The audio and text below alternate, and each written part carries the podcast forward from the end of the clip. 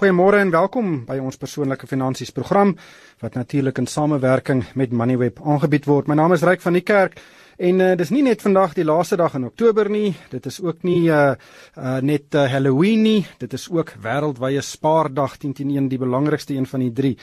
En uh hierdie inisiatief het reeds in 1924 in Italië begin. Um en dit onderstreep 'n baie belangrike beginsel wat elke enkele persoon en huishouding in Suid-Afrika moet verstaan en dit is om van so jonk as moontlik soveel geld as moontlik te spaar. Want uh, eendag sal dit 'n baie baie groot verskil of impak op 'n mens se lewe hê.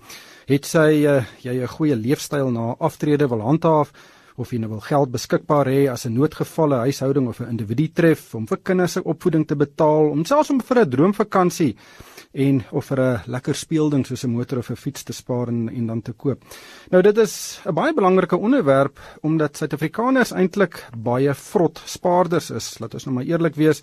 Suid-Afrikaners relatief in die wêreld gesproke spaar nie baie goed nie.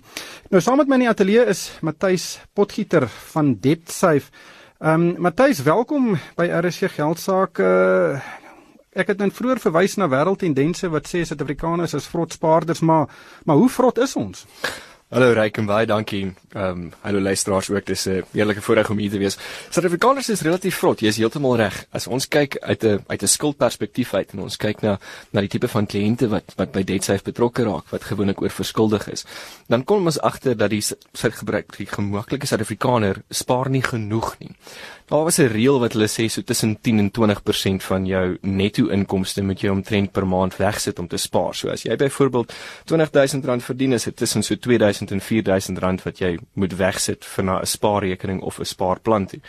Wat ons wel sien is dat Suid-Afrikaners omtrent tot en met amper 80 persent van hulle netto inkomste gebruik om skuld te delg wat op die ou net 20% van hulle netto inkomste oorlaat vir basiese nodighede soos kos, transport, uh, petrol. So waar laat dit jou ruimte verspaar ook? So Suid-Afrikaners se kredietbelasting is so hoog dat dit hulle nie noodwendig die ruimte toelaat om te spaar nie. Maar baie mense sal sê, "Jene, spaar is 'n luukse." Jy weet, ek raap en skraap net om kos op die tafel te sit. Baie mense sal sê, "Ek lewe van le lening tot lening net om kos op die tafel te plaas in ons huidige ekonomiese situasie." Hoe moet daai persone kyk na vir jou wat nou sê spaar tussen 10 en 20% uh, wat vir baie mense net onmoontlik is. Ek dink as jy as jy gaan kyk tussen 10 en 20%, dit is obviously die die optimaal.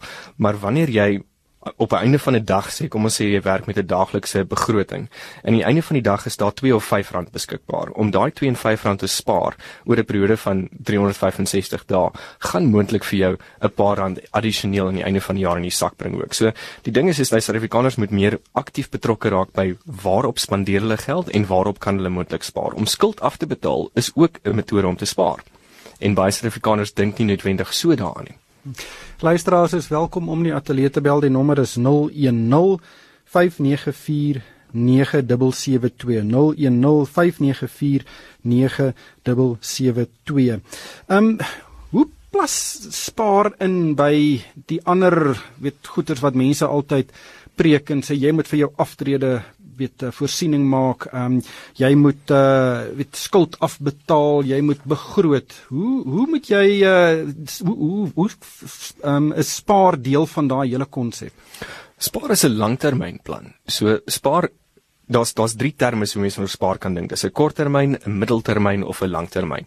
Langtermyn sal goeders wees soos 'n aftrede of moontlik 'n huis of 'n voertuig wat jy wil koop. Korttermyn kan iets wees soos byvoorbeeld Kersfees. Vandag is dit 54 dae tot met Kersfees. So as jy moet spaar vir Kersdag of vir 'n Kersete of 'n Kersgeskenk het jy 54 dae oor. Dis kort termyn.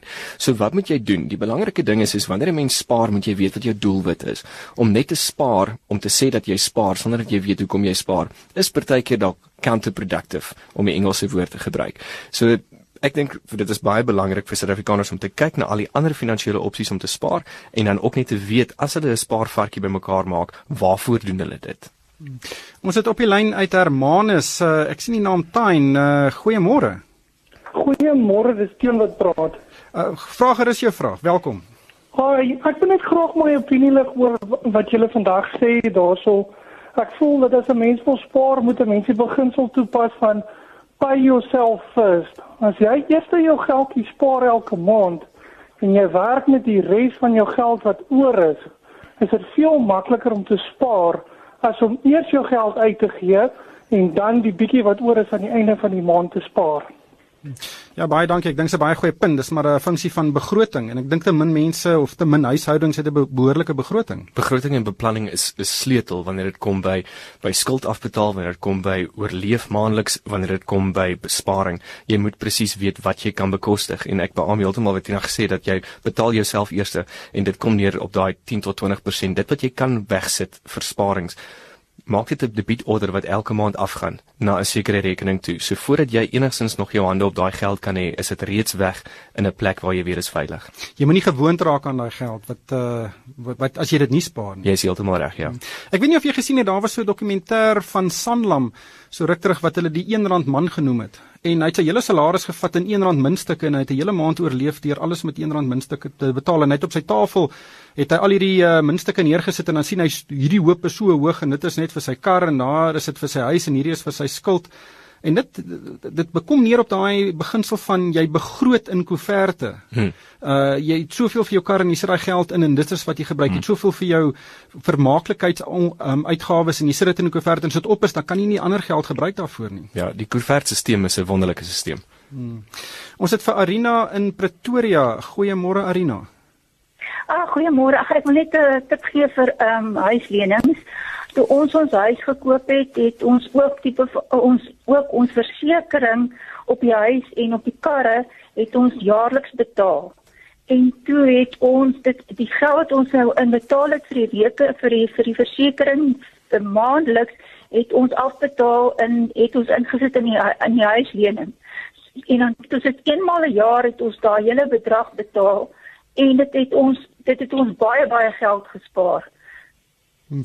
Anina, absoluut ek dink uitstekende punt. Baie mense versien nie dat as jy jou huislening vinniger afbetaal, dit eintlik 'n baie baie doeltreffende spaarmeganisme is nie. Verseker. Ek dink dit wat Anina ook sê is om daai om daai uh, versekering 'n jaar vooruit te betaal. Mens moet obviously die kontantvloei hê om dit te kan doen. As jy 'n bonus kry in Desember byvoorbeeld. Verseker. Dis bonus is nou tax season ook, so moontlik kry jy dalk iets terug van Jan Tax om daai geld te gebruik en dit reg aan te wend daarvoor en nie net wendige vakansie te gaan koop nie. Is verseker. Die ander ding is is ook om om vinniger enige vorm van krediet of skuld af te betaal soos huislening, voertuig, kredietkaarte, persoonlike lenings. Dit is alles lei tot spaar op die ou einde, want jy jy, jy spaar op die lang termyn. Albert sê hier op die uh, eh, SMS lyn, hy vat al sy klein geld en hy gooi dit in 'n emmertjie en laas jaar het hy R5000 bymekaar gemaak. Uh, dis verbasend hoe baie klein geld jy deur jou beursie gaan en jy besef nie eintlik die waarde daarvan nie. Presies, dis wat ek sê as jy aan die einde van die dag net sit en jy het R100 wat jy vandag gaan gebruik en daar's R5 oor en jy sit elke dag daai R5 iewers in 'n emmer of in 'n spaarvarkie, gaan jy verbaas wees aan die einde van die aan die einde van die maand en einde van die jaar hoeveel geld jy wel het. Hmm.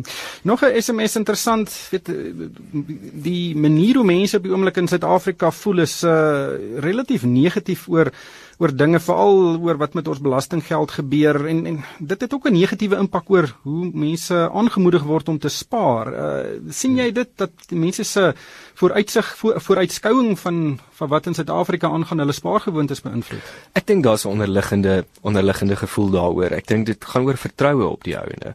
Vertroue wat jy in jou land het, vertroue wat jy in die ekonomie het en dan begin mense ongelukkig anders te kyk daarna. Ehm um, so mense kry dit baie dat mense lately eerder hulle geld na die buiteland toe gaan gaan skuif waar hulle sê dat hulle het meer vertroue in in 'n eksterne uh, kommoditeit as wat hulle tans in Suid-Afrika het. So dit is 'n tendens wat mense kan sien. Daar's nog 'n groot beginsel uh, verskil tussen om te spaar vir 'n motor of vir 'n vakansie eerder as om te bespaar vir jou aftrede eendag. Hoe benader jy dit om vir so 'n uh, weet 'n lewensgenot aankoop uh te spaar. Uh, wat wat is die riglyne daar? Ek dink die belangrikste ding is is dat 'n mens statistiek bewys dat dat mense gaan nooit genoeg spaar om af te tree soos wat jy vandag lewe nie. So ons moet ook bewus wees dat jy moet spaar, maar jy moet oorkompenseer ook.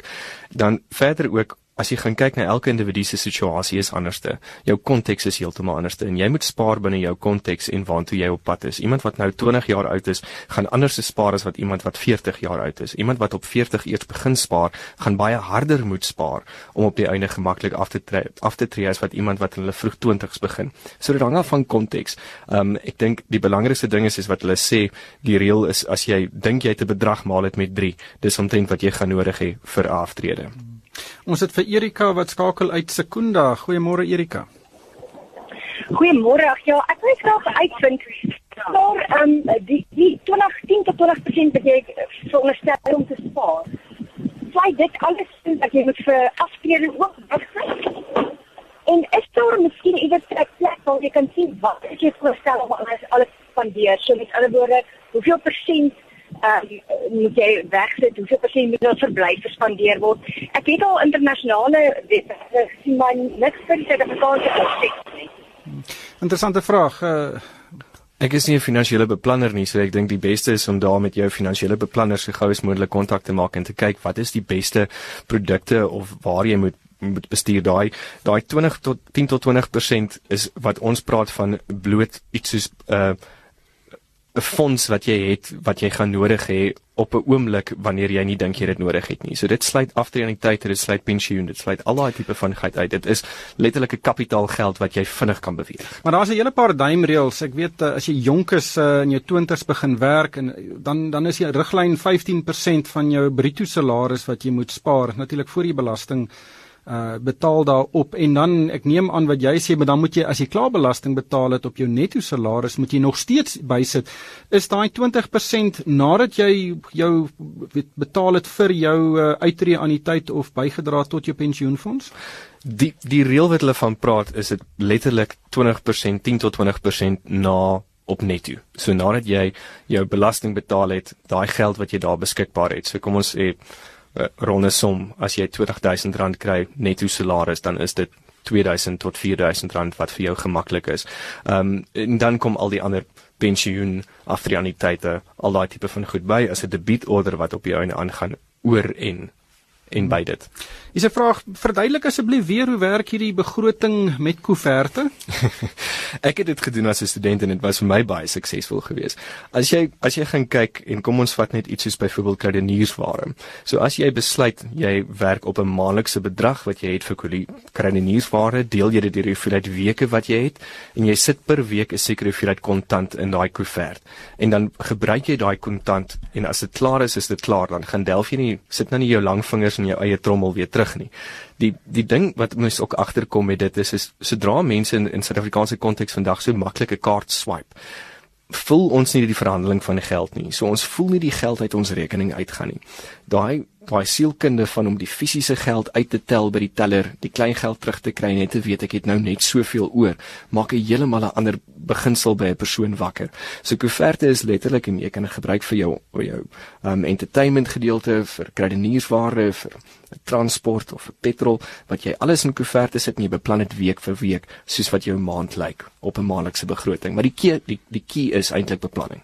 Ja, absoluut. En is lekker om te sien hoe dik is daai koevert en hoe vinnig hy dunner word. Dis nie lekker om te sien hoe vinnig hy dunner word nie. Ja, die, die idee is om nie die ander koevert 'n bietjie te gaan gaan haal ja. as jou vermaaklikheidsbegroting daarmee heen is. 'n Hele paar SMS'e ehm um, en en baie van hulle spreek tot inflasie. Ehm um, hier's een wat sê ek is 78 jaar oud, ek het meer as 30% gespaar. Ehm um, maar dit het niks gehelp nie. Met aftrede kon ek 130 motors gekoop het met die geld en nou nie eers een nie. Hmm. Dit wys vir jou weet inflasie speel ook 'n rol en nie met daarvoor beplan. Verseker en wat ons nou sien in ons in ons tans ekonomiese klimaat, ons praat van movies wat moontlik ons weer gaan af afgradeer. Daar's 'n klomp eksterne faktore wat wat direk inspreek tot 'n persoon se se daaglikse finansies en veral wanneer ons praat by aftrede. So dis daai reël wat altyd sê wanneer jy dink jy het 'n sekere bedrag in jou kop, maal hom maar eerder met 3, dan weet jy jy het 'n klein bietjie ruimte om mee te spandeer, maar inflasie is verseker iets wat wat mense beïnvloed. Mhm. Ehm um, nog een ek ek het uh, in ons huisverband het ons nooit die paaiement verlaag as rentekoerse verlaag nie en ons het altyd daai hoër uh, bedrag betaal en jy hmm. sal nie glo wat se verskil dit maak nie en en, en dit is ook weer eens is 'n tipe van 'n saamgestelde rentevoordeel wat jy kry. Natuurlik want wat jy doen is jy is besig om jou kapitaal af te betaal vinniger. Ehm um, so dit is versekerde sparing op die langtermyn. Hmm. Ehm um, hoeveel moet jy verdien om te sê jy kan spaar? Ek meen R5000 per maand. Ehm um, en dan moet jy nog huishuur ook betaal. Dit is nie net dit is net onmoontlik as jy nie genoeg verdien nie. Ek ek, ek stem saam. Ek verstaan dat daar versekerde plekke en en probleme is wanneer daar nie baie finansiële ruimte is nie. Maar ek dink die Suid-Afrikaanse verbruiker moet gaan kyk op op wat spandeer hulle tans en hoe kan ons moontlik 'n klein bietjie sny. Al is dit letterlik 'n 5 of 'n 10 rand 'n maand. Ehm um, en en daai moontlik bymekaar maak. So ek weet tye is moeilik daar buite en ek ek verstaan dat dinge raak net duurder en duurder, maar on, ons as Suid-Afrikaners moet meer aktief betrokke raak by hulle finansies en regtig begin hulle vingers in dit kry en verstaan waar spandeer ek my geld en waar kan ek moontlike besparings maak. Maak nie saak wat my inkomste vlak is nie. Daar's twee dinge um, wat vir my ook uitstaan. Eerste ene is begin net. Al is dit hmm. 'n R100 'n maand, dit klink nie hmm. baie nie, maar dit, dit bou op en die tweede ding is hoe langer jy spaar, begin jy nou rente op rente verdien, die sogenaamde saamgestelde rentebeginsel en en dan begin jou geld vir jouself werk. Ehm um, en en dit is ook 'n uh, die Engelsman sê 'n mindset. Dis 'n manier hoe jy moet dink daaroor wat jy uh moet doen. Hoe, hoe kan 'n mens hoe, as mens so negatief is, hoe kan jy nog daai mense aanspoor om te spaar, veral as dit in 'n in 'n huishouding is? Spaar is 'n gewoonte en dis 'n gewoonte wat van kleins af moet gekweek word by by kinders en en ek, ek dink dis een van die groot probleme as ons gaan kyk na na onderrig vandag. Waar word daar in in in onderrigsplatforme vir kinders die geleentheid gegee om te praat en te leer oor oor finansiële beplanning en langtermyn finansiële beplanning. Ek dink dit is 'n groot nood. Maar daai kultuur, dit is baie belangrik dat die Suid-Afrikaner hulle hulle kop skuif maak amper om om 'n positiewe gesindheid teenoor spaar te kry. En begin klein, maar begin net vandag soos wat jy sê. En ek dink Suid-Afrikaners het nog altyd 'n wil en 'n weg gehad, soos wat hulle altyd sê 'n boer maak 'n plan. En wanneer die nood druk, dan kom die Suid-Afrikaner met 'n plan uit. So jou plan lê voor jou, jy moet net aktief betrokke raak by dit en gaan doen ondersoek en kyk wat werk vir jou die beste. Ek het uh weet twee kinders. Uh my dogtertjie is uh sy sien na sakgeld as 'n teiken hoe vinnig sy dit kan uitgee en my seentjie sit dit in sy laai en hy wag dat hy weet iets kan koop soos 'n rekenaarspeletjie. En en en dit is totaal en al uiteenlopende uitgangspunte. Maar hoe kry jy kinders om 'n spaar spaarkultuur aan te aan te leer. Ek dink leer 'n doelwit vir 'n kind, laat 'n kind verstaan hoekom hulle spaar. Met enige met enige proses waardeur enige persoon gaan en as jy kyk na lewensafrigting sê hulle dit ook vir jou, jy moet presies weet waantoe jy op pad is, jy moet weet hoe lank jy daar gaan kom en dan moet jy die sukses voel op jou en soos jy byvoorbeeld jy gaan jy gebruik van jou seun, hy spaar en dan kry jy die sukses en hy voel die lekkerte van die videospeletjie wat hy koop en hy ervaar dit en geniet dit. So daar's daai daai reward op die ou ene. Um dit is baie belangrik om om vir kinders ook te verduidelik van kleins af dat waar kom geld vandaan? Want baie keer ek ben ek dink ek het as 'n kind ook groot geword het gedink die geld kom van iewerste van 'n boom af agter in die tuin. En totdat jy groot word en besef jy dit is nie meer so nie. So laat kinders aktief betrokke raak daarbey. Dit gaan oor onderrig, dit gaan oor openlik praat oor finansies um in 'n huishouding. Ek sê nie jy moet jou kinders belas met met finansiële stres nie, maar kinders moet weet van 'n jong tyd af hoekom moet ons spaar, waarvoor ek spaar en wat is die situasie tans. En dat jy geld moet verdien, dit uh, kom nie net dis uh, in en uit ja uit die jou pa se beursie nie.